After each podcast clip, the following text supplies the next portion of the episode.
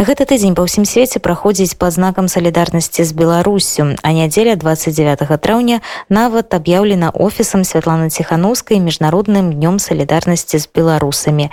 Чаму менавіта 29 траўня, бо ў гэты дзень два гады таму у гродні быў затрыманы Сергей Ціханаўскі. А крыху пазней 18 чэрвеня у мінску арыштавалі і прадпрымальніка Віктора Бабарыку, які першым адважыўся кінуць выклік прэзідэнцтву Лукашэнкі. Гэта паклала пачатак самым масавым палітычным пратэстам у Беларусі. Дзякуючы гэтым пратэстам Лукашенко не змог бесперашкодна фальсіфікаваць выбары. Ён па-ранейшаму утрымлівае ўладу толькі праз гвалт і ігнараванне закону. У гэтым годзе міжнародны дзень салідарнасці з Беларусю яшчэ і з такім украінскім акцэнтам офісе Святланы Ціхановскай нагадалі пра шматлікія беларускія ініцыятывы, якія дапамагаюць украінцам і на фронте і ў тыле. Адна з такіх ініцыятыў гэта батальён кастуся каліноўскага за выхадныя ён стаў полкам. Як адзначылі каліноўцы прымаючы пад увагу маштаб задач якія стаяць перад беларускімі ваярамі яны пераходзяць да наступнага этапу разбудовы нацыянальнай вайсковай адзінкі. Абвяшчаецца стварэнне беларускага полка імя кастуся каліноўскага у склад якога будуць уваходзіць батальён літвін і батальён волат перамога будзе за намі падсумавалі каліноўцы.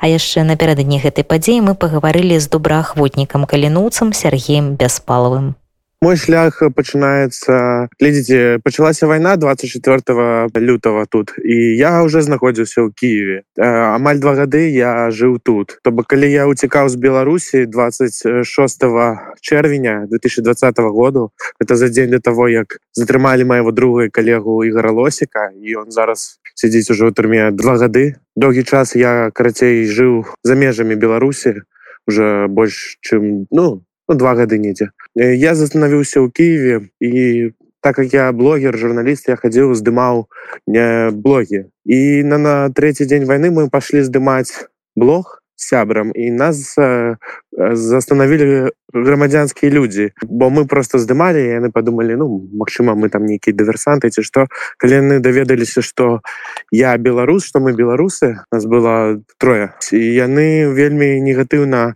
пачалі на нас рэагаваць і ну выклікалі на нас паліцыю хотя я спрабаваў нешта им там данесці я показывал что я там за супраць лукашенко у меня есть татуировка супраць лукашенко показывал социальные сетки никто не хотел гэта слухаць и нас повезли у пастарунак полицейский и только там калі уже полицыянты поглядели яны нас отпустили. И уже на наступный день мы спрабавалі спачатку мы спрабавалі записаться в тэраабарону на жаль у нас гэта таксама не атрымалася а можа і добра і потым я даведаўся что у Киеве будуецца беларуская рота. Тады гэта еще быў не батальон это яшчэ была беларуская рота при азове. Я позвонил до гэтых хлопцаў я ведаў там одного хлопца я за два тыдні до войны таксама хадзіў я у меня были там знаёмы з белого легіёну і вось яны там тренироваліся яны вось параілі мне карацей далучыцца. Атрымліваць недзе першого сакавіка здаецца я далучыўся до да беларускай роты тады яшчэ А якія новыя здольнасці у сябе вы адкрылі? Розныя. Гэта і страляць я не так дрэнна оказывается стреляю з аўтамата. А ваш журналісткі бэкграунд ён прыдаўся? Вядома вядома. То бок я зараз э, выконваю ролю прэс-афіцеру то бок э, большасць часу займаюсь прэсай. То все что вы бачыце на сетках э, батальёну гэта ну я таксама я раблю і карацей займаюся таксама прадвижением і збором інфармацыі Ну вось вы фактычна ў батальёне ад самага пачатку. Як ён эвалюцыяніваў за гэты час? Чым ён быў спачатку гэта была рота і чым ён зараз стаў? Ну вось калі я записываўся я был 26 то зараз людзей значна паболела это выглядае як сапраўдная беларуская армія. То бок у нас уже сотні людзей. Я не могу казаць дакладную лічбу по некаторых абставінах але могу сказаць что на сотні.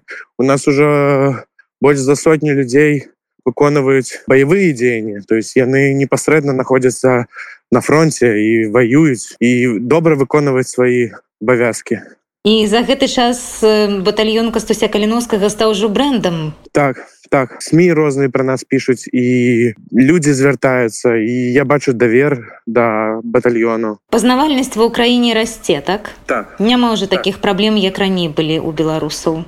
Так няма. Таких таких як самага спачатку не было зараз уже няма. А шэсць байцоў з батальёна уже загінулі а ці вы ведалі іх асабіста на жаль не ўсіх я ведал добра волата вось апошняго байца ну як добра ён был калі я был яшчэ ў азове он был маім камандзірам калі у нас толькі была одна рота я просто бачу гэтага хлопца гэта хлопец які шесть разоў быў паранены ён выходзіў з таких жорсткіх сітуацыяў ну для многіх наших байцоў ён сапраўды быў таким настаўнікам і вельмі шкада что ну беларусі украіна что такого хлопца страцілі бо ну сапраўды людзі вельмі нервуюцца асабліва тых хто зараз знаходзіцца там на баявых бо гэта был ну сапраўды для іх такі лідар могу сказаць нават гісторыю пра его что усе казалі каб ты не хочаш памярэць слухай волата А вы самі пра дрэннае не думаеце? Ну так думаю.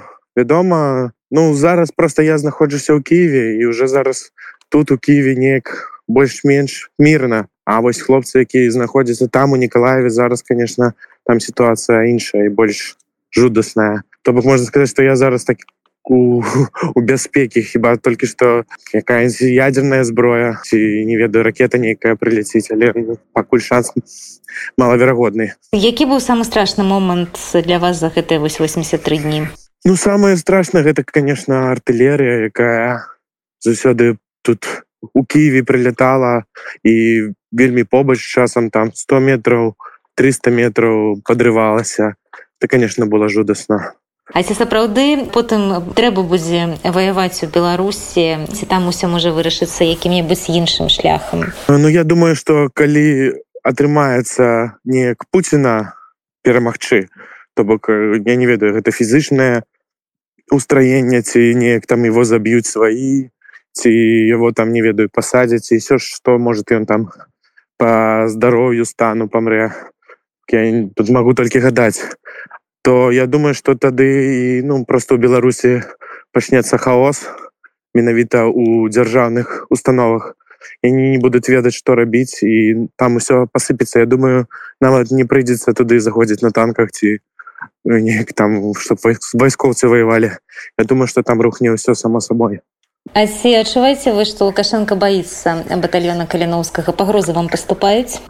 Так так і я бачу нават э, на некаторых пастах там асабліва калі нехта за у нас загіне як то яны адразу пасылаюць суды шмат ботаў яны паўсюль пишутць там ата заронка да лебедзевай.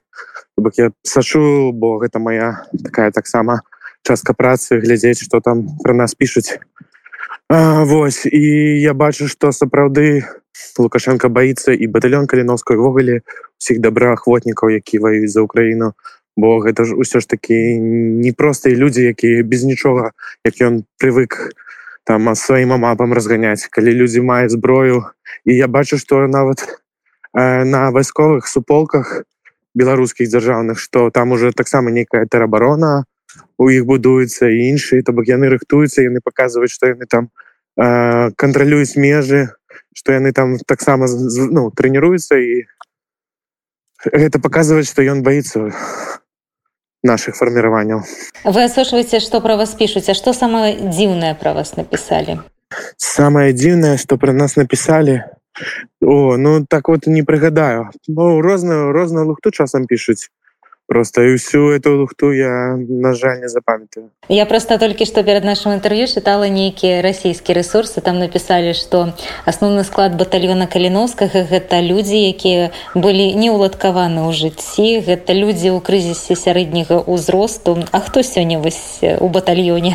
Абсолютно розныя людзі гэта есть людзі которым 18 год гэта есть людзі которым 69 нават. Гэта мм напрыклад то бок у нас узрост вельмі розны ну сярэдні ўзрост я бы сказаў недзе 30 гадоў а по прафесіях хто?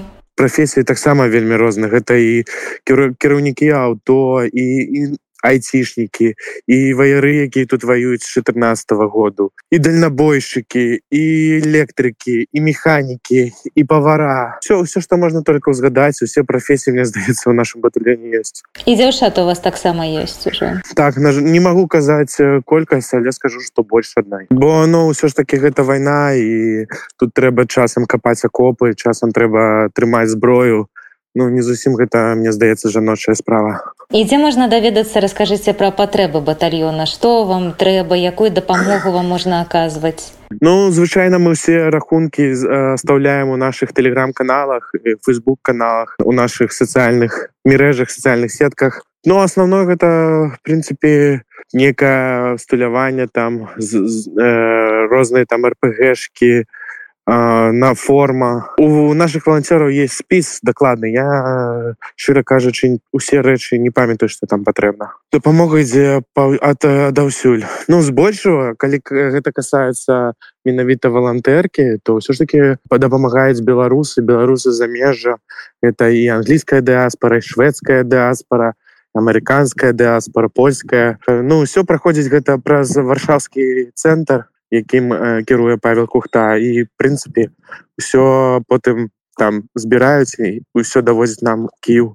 а там уже размяркуецца э, на іншае і скажитеце калі ўсё скончыцца вы зробіце татуіроўку з батальёнам костуся каліновскага Магчыма адзінае што ну Мачыма мы будзем уже не батальёнам а палком ці дывізы ці тут ўжо такое пытанне спадзяюся што мы будзем расці і колькасць наших удзельнікаў будзе павялічвацца